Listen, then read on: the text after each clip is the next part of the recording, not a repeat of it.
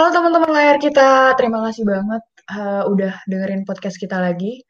Ini nggak tahu bakal menjadi podcast yang keberapa, tapi uh, bareng sama saya Runi dan kali ini uh, layar kita ditemenin sama teman bukan dari tim, tapi dari uh, rekan, sama aja sebenarnya.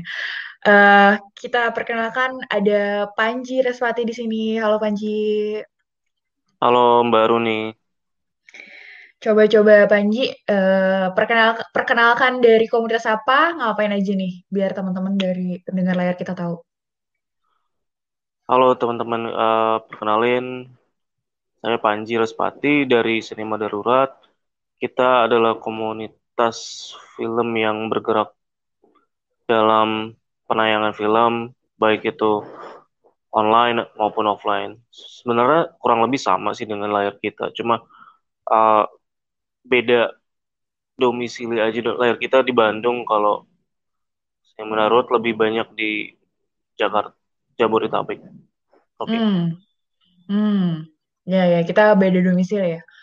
Um, bagus bagus bagus yes. Jadi Panji hmm, ini tuh uh, Panji sebagai tim atau gimana di sinema darurat? Atau ketuanya ya? Sebagai kepalanya sih sebagai programmernya sebagai okay. yang menyu menyusun acaranya hmm. gimana memilih tempat mem hmm. dan segala macam hmm, dan asal muasal bikin sinema darurat gara-gara keresahan gak ada tempat alternatif film atau gimana nih hmm, bisa dibilang kayak gitu sih hmm. ya berawal dari keresahan karena kurangnya uh, apa tempat pemutaran film dan didorong kepada bahwa saya juga kan bergerak di bidang produksi film maksudnya uh, ngebuat film bersama teman-teman nah hmm.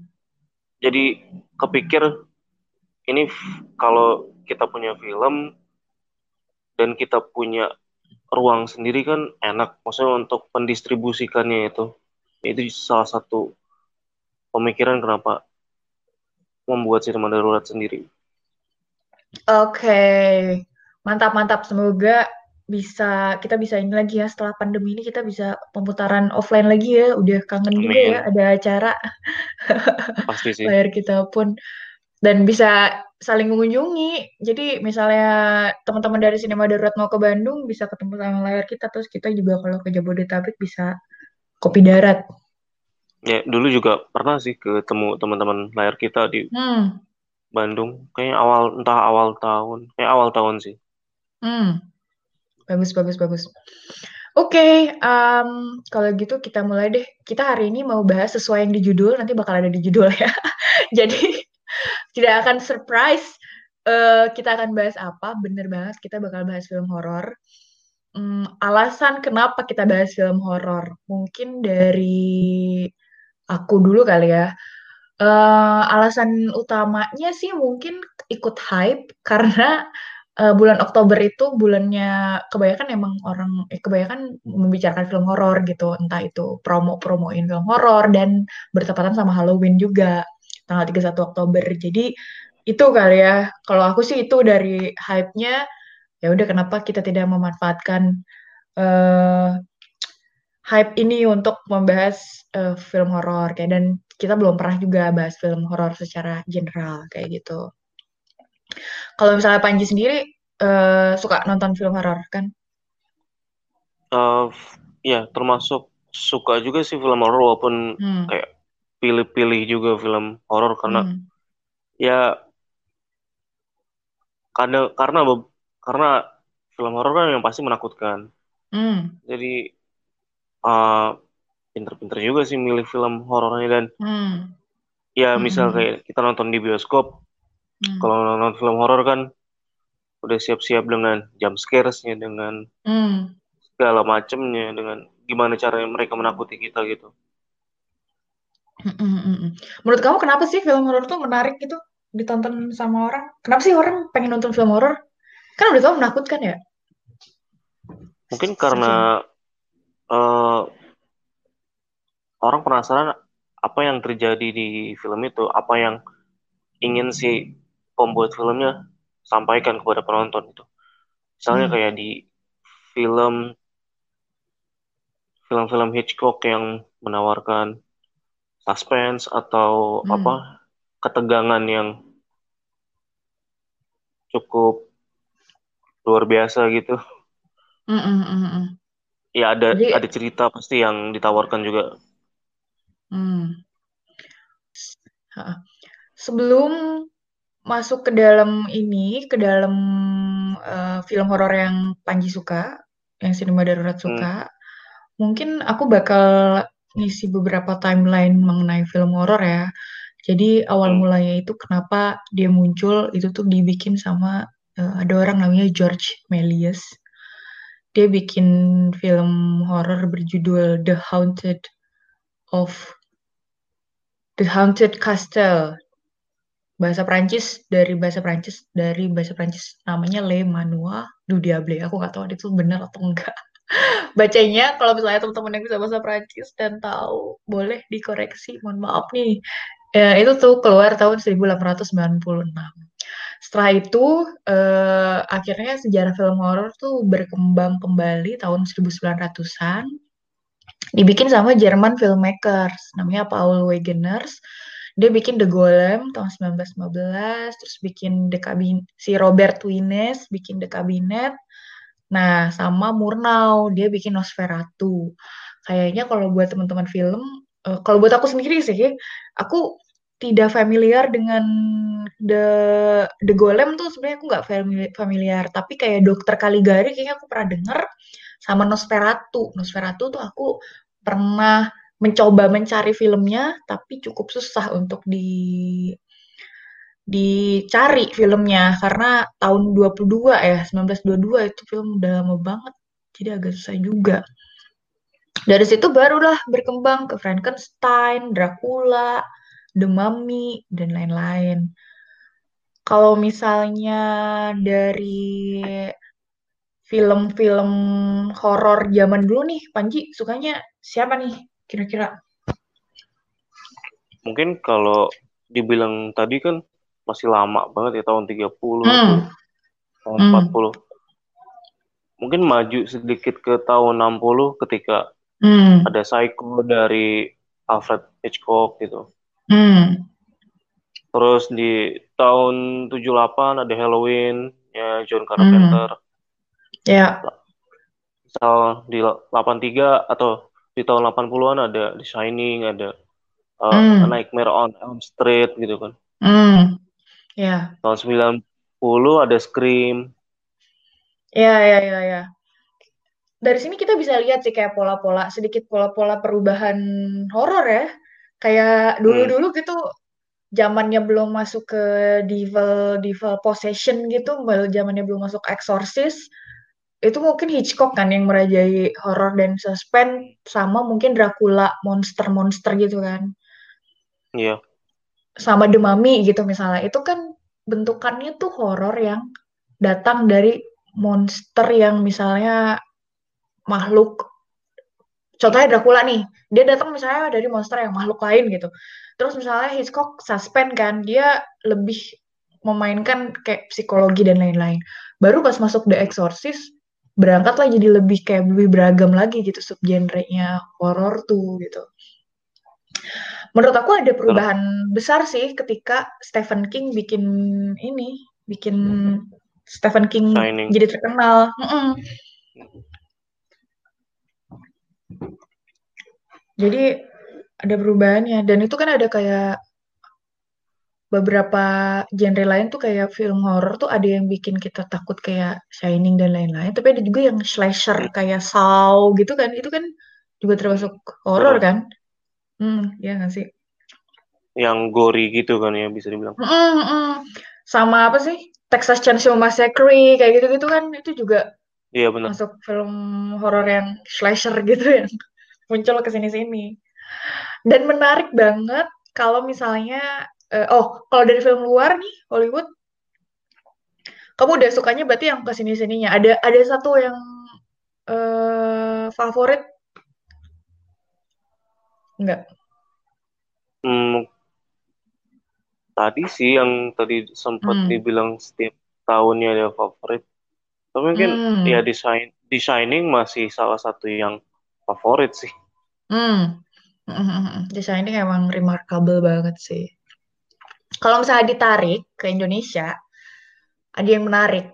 Film horor Indonesia yang baru, yang pertama kali keluar itu adalah judulnya ini unik banget, sumpah unik banget. Dua, uh, bentar, bentar, bentar, bentar, bentar. Manusia apa sih?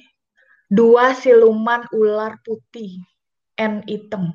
Tapi tulisannya tuh masih pakai tulisan bahasa Indonesia yang zaman dulu banget. Jadi duanya tuh D O E A.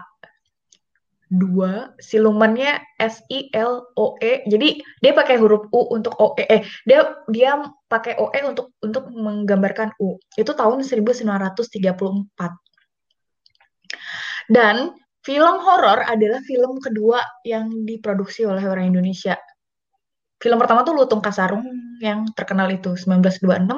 Terus yang keduanya itu film horor dua siluman ular putih dan hitam. Itu bikinan Ten Teng Chun. Aku nggak tahu ini dia kayaknya orang uh, Tionghoa deh. Ini kisahnya tentang dua siluman yang ingin jadi manusia. Dua siluman yang ingin jadi manusia. Itu sih film horor pertama. Nah, dari situ berangkat tuh uh, sejarahnya menarik banget. Karena kayak dia apa ya? Dia berkembang film horor Indonesia tuh berkembangnya dari situ awal mulanya. Terus Hindia Belanda juga bikin judulnya Terang Bulan. Dibikin sama Albert Baling. Di situ tuh sukses juga katanya di pasaran.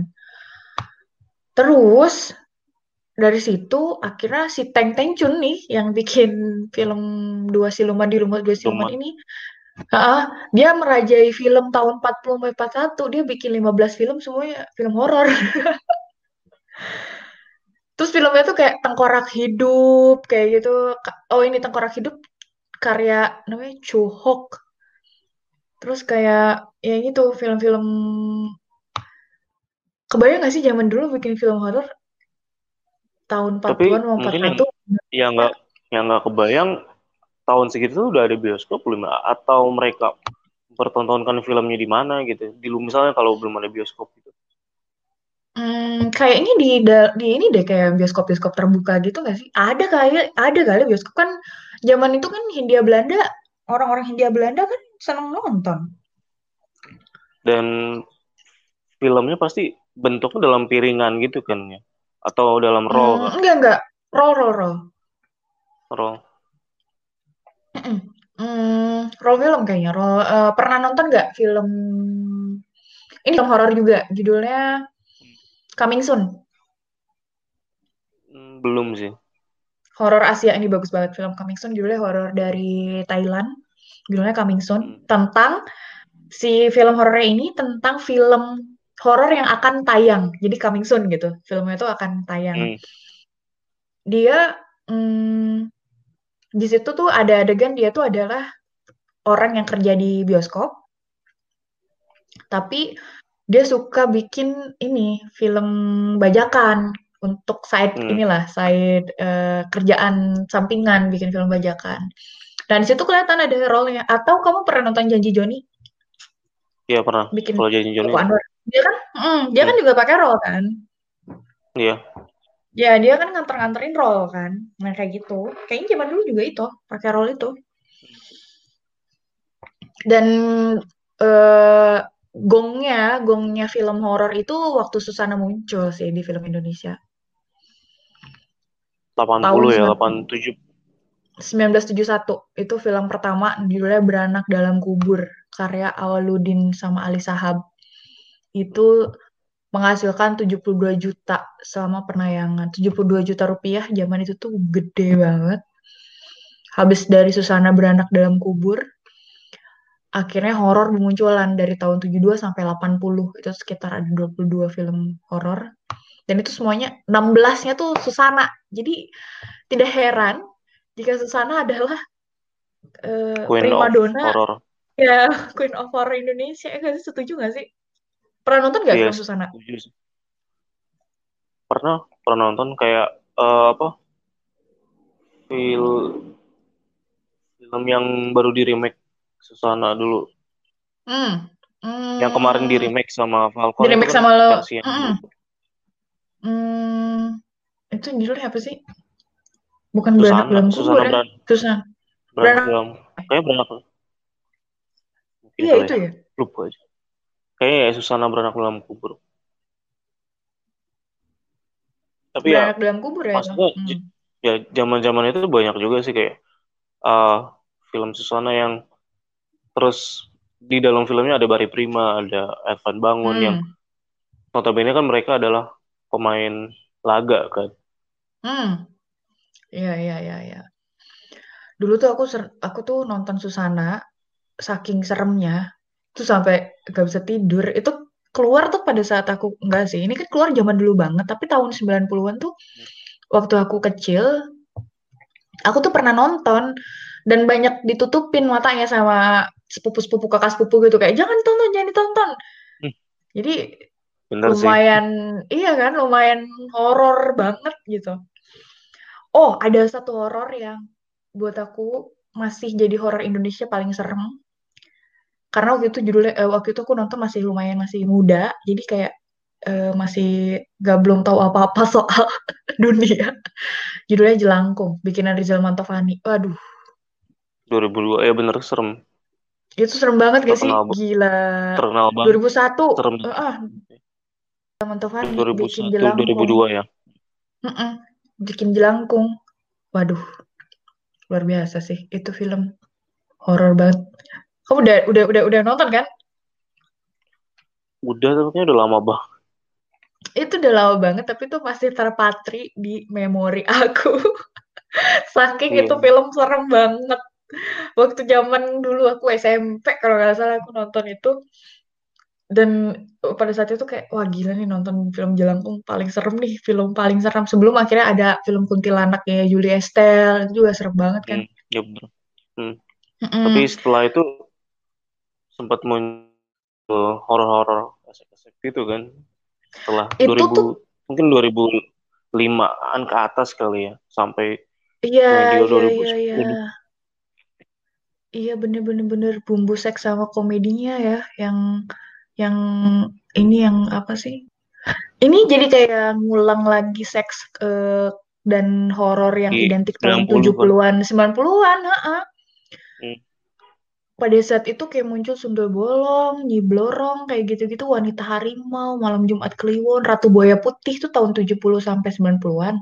Sama, ada seks sama kekerasan dan komedi di film horor. Baru muncul 2001 si Rizal Mantovani bikin Jelangkung. Bagus, taunya ke sininya tahun 2005, 2009 tuh Suster Kramas, kayak gitu-gitu. Tapi yang dijual kayaknya lebih ke komedi dan seksnya kayak horornya cuma lebih Mm-mm, pelengkap mm-mm, pelengkap aja sih. mm-mm. Suster Kramas kayak gitu terus kayak Mario Ozawa tuh main di Hantu Tanah Kusir terus ada Iya. rintihan kuntil anak perawan goyang pinggul pocong mandi goyang pinggul buset sumpah itu Oh, juga yang untungnya sekarang kan setelah Pengabdi Setan trennya udah mulai balik lagi ke horor kan. Pengabdi Setan yang ya remake itu bener Ha-ha. di eh Joko Anwar 2016. mengembalikan mm-mm. Joko Anwar mengembalikan film horor ke tempatnya Hmm. yang seharusnya dan Kan sekarang juga film bermun- bermunculan kayak apa Ratu Ilmu Hitam yang mm-mm, remake terus mm, mm. Terus yang bagus lagi tuh nggak bagus sih, tapi ini film favorit banget tuh itu tuh si Danur Universe. oh ya Danur ya. Mm-mm, Danur Universe itu juga eh, termasuk salah satu film yang laku banget di pasaran sih. Hmm. Danur dan itu. Kalau misalnya opini kamu tentang film horor Indo gimana tuh? Hmm, mungkin sih kayak saya sendiri kayak baru apa ya baru ngikutin film horor Indonesia tuh dari zaman-zaman Pengabdi Setan kali ya. Hmm. Mm-mm. Jadi nonton Pengabdi Setan yang original dulu nggak lama Hmm. nonton yang apa nonton yang remake dulu baru nonton yang original setelah Hmm. itu kan kayak baru ngulik-ngulik film-film horor gitu Hmm. film-film Oh ini Susana menarik, menarik. 70 Menarik. 80 gitu. Iya, iya, iya, iya, iya, iya. Ya. Hmm. Kamu nonton dua-duanya. Coba, coba, coba, coba elaborasi. Perbedaannya apa nih antara Pengabdi Setannya Joko Anwar sama yang zaman dulu? Untuk teman-teman yang belum nonton. Soalnya aku juga belum nonton yang zaman dulunya. Kalau ya pastinya di efek sih, maksudnya di efek Hmm. visual segala macam, di visualnya yang beda dan di atmosfernya sendiri dan kalau Pengabdi Setan yang 80 akan pasti seram pada zamannya tapi ketika ditonton di waktu sekarang ini maksudnya yang berbeda 30 tahun kemudian Hmm. sebagai orang yang mungkin gak hidup di tahun 80 itu belum tentu merasa serem gitu dengan filmnya. Hmm. Hmm, hmm, hmm. Maksudnya Kalau dari emang sisi- Pengabdi Hmm. Setan yang apa yang original itu sesuai dengan zamannya, tapi kayak Hmm. tetap everlasting sih. Tapi mungkin kayak eh, suasana seremnya nggak lebih serem Pengabdi Setan yang baru sih kalau menurut saya pendapat subjektif sih. Hmm. Kalau dari segi cerita ada perbedaan signifikan. Gimana sih ceritanya? Pengabdi Setan yang dulu? Hmm, kayaknya untuk cerita kurang lebih sama sih, tapi paling yang ngebedain adalah detail-detail kecilnya aja kali. Hmm. Kan kalau Hmm. Pengabdi Setan itu ceritanya tentang eh untuk keluarga yang ibunya meninggal, terus akhirnya dia jadi setelah dia meninggal tuh dia jadi hantu menghantui keluarganya itu kan. Hmm. Secara garis besar dan itu juga sama, maksudnya di yang lama maupun di original ceritanya seperti itu. Hmm. Ceritanya berarti lumayan mirip-mirip. Cuman beda di efek aja kali ya, karena zaman dulu tahun 80-an belum Ya, ada se-advance itu kali ya. beda di efek dan mungkin ya detail-detail ceritanya aja maksudnya ada yang bedain misalnya si di yang original ada tokoh ini yang di ini nggak ada tokoh ini paling kayak gitu sih Hmm. Ya, ya, ya. Dan secara keseluruhan mungkin lebih hmm, mengemas, apakah Joko Anwar lebih mengemas Pengabdi Setan yang sekarang kayak cukup lengkap dengan beberapa tambahan tokoh? hmm. Bisa dibilang sih tapi ya balik lagi sini pendapat subjektif juga kalau menurut saya sih saya lebih suka yang baru gitu timbang Hmm. yang lama karena Hmm. atmosfer atmosfer seremnya lebih bangun dan juga secara cerita juga uh, mudah untuk diikuti dengan ada twist segala macamnya. Hmm. Kalau yang di lama kan kalau tidak salah ya nggak ada twistnya gitu. Hmm. Hmm. Jadi kalau yang di lama lebih terbaca ya. Hmm, menarik, menarik, menarik. Hmm. Terus tadi kamu bilang sempat juga akhirnya dari situ mulai coba untuk ngikutin beberapa film horor zaman dulu, Susana kayak gitu ditonton lagi atau enggak? Dia ditonton lagi tapi kayaknya cuma satu atau dua judul sih kayak beranak dalam kubur terus lupa juga sih ada satu lagi yang pokoknya sana main sama sama Barry Prima Advent Bangun gitu lupa Hmm. judulnya sih.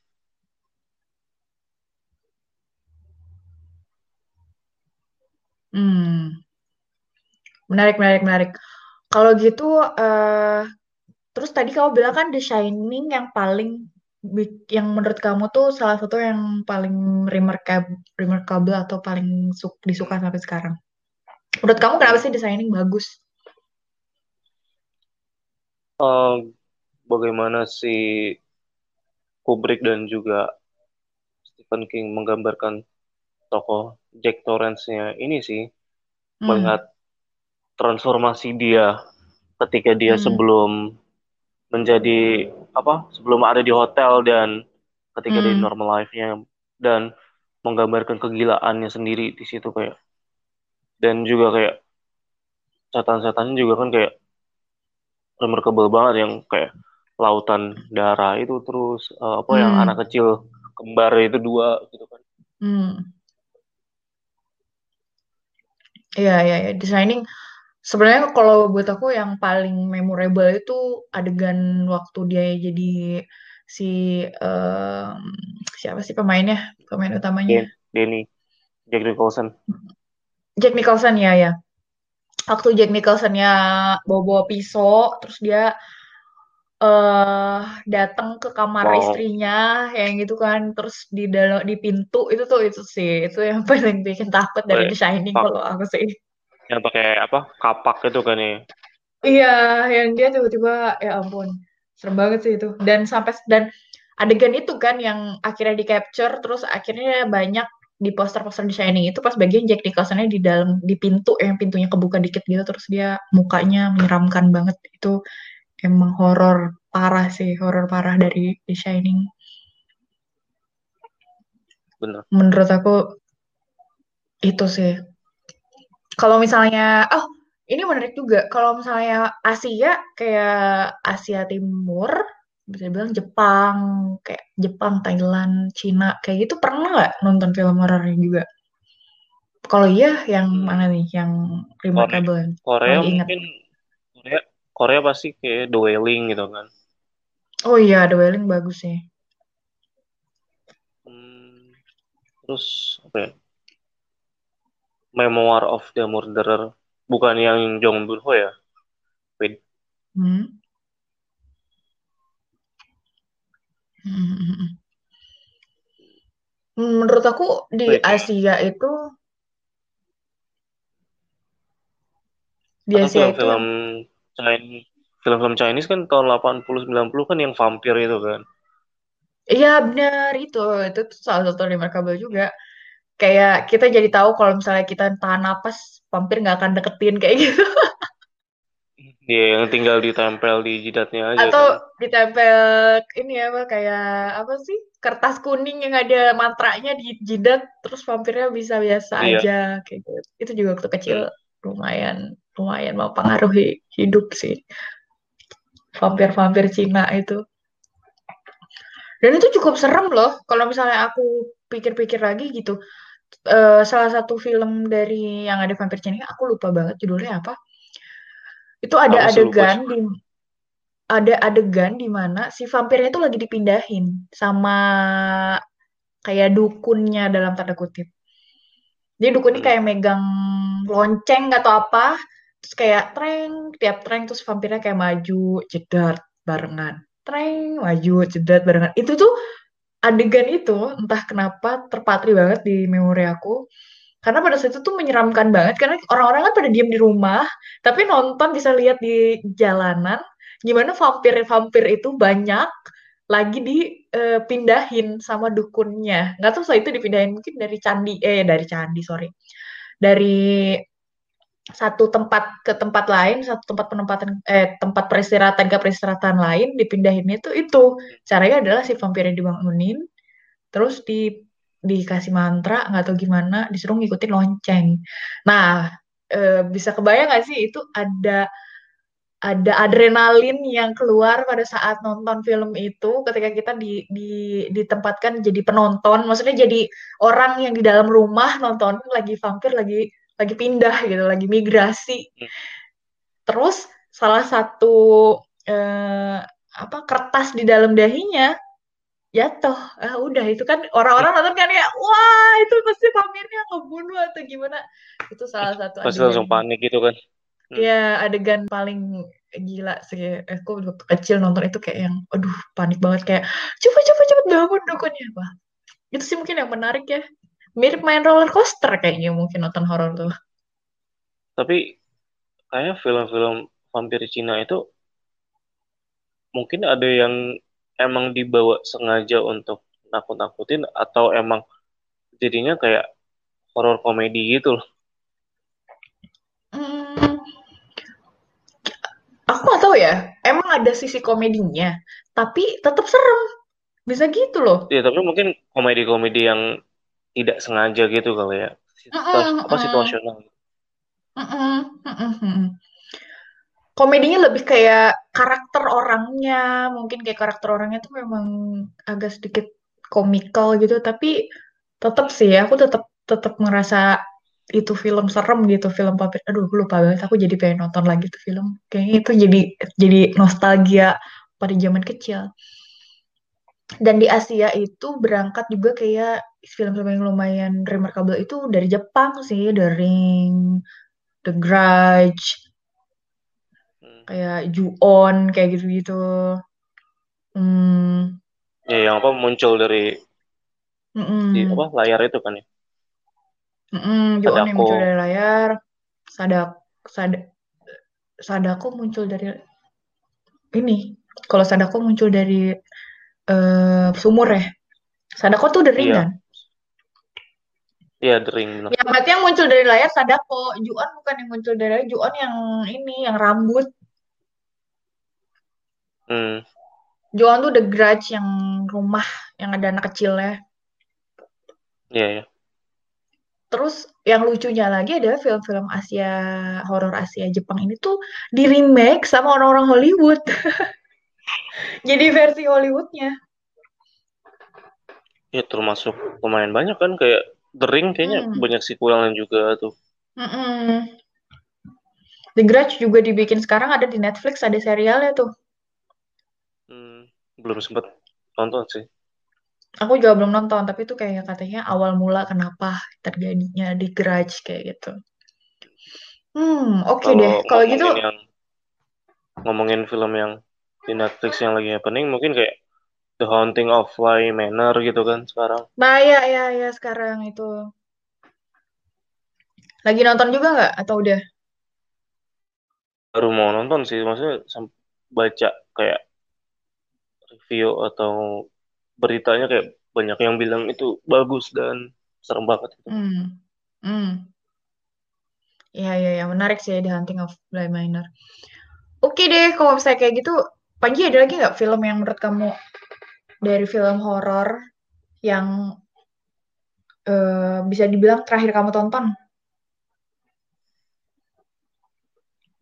Hmm, apa ya kalau terakhir ditonton Peninsula termasuk zombie juga mungkin kali ya. Mm, mm, Peninsula mm, mm. yang apa sequel Tren to Busan. dari Tren to Busan. Hmm.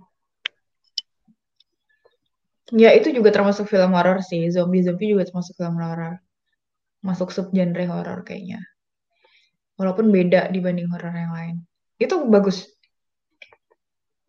Di compare sama Tren to Busan uh, kualitasnya di bawah sih, tapi sebagai Hmm. sebuah hiburan, sebagai sebuah tontonan Hmm. tetap uh, apa menarik untuk ditonton sih kurang Hmm. lebih.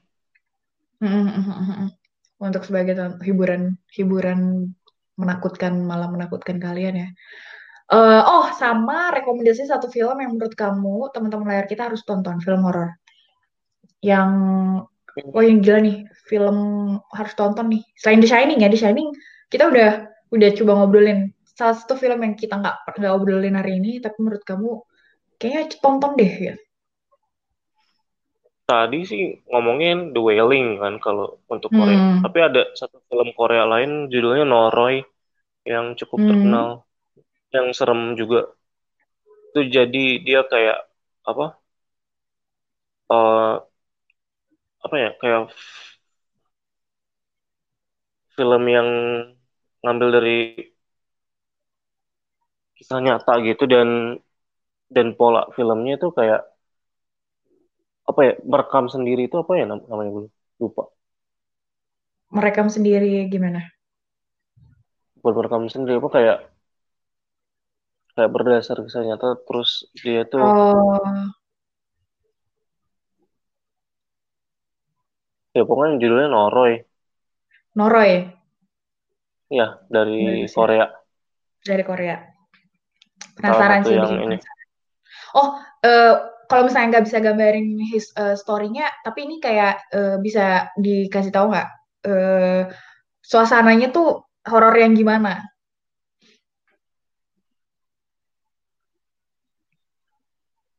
Dia itu tentang menyelusuri pembunuhan gitu kan. Jadi kayak hmm. misteri pembunuhan dan terus uh, ada setan juga gitu. Tapi kayak lebih hmm. Psikologikal mungkin ya. Oke, okay, oke, okay, oke, okay, oke. Okay. Jam scare, jam scare gitu nggak? Atmosfer sih, lebih lebih ke atmosfer. atmosfer. Ya? Oke, okay. hmm, menarik. Jadi teman-teman. Kalau dari layar dari layar kita ada ini rekomendasi gitu? Uh, kemarin, oh iya, layar kita juga suka bikin rekomendasi film kan di Instagram. Mungkin bisa dilihat juga di situ ada. Kemarin sih terakhir layar kita ngasih ngasih rekomendasi itu judulnya Illegame, film Italia. Hmm.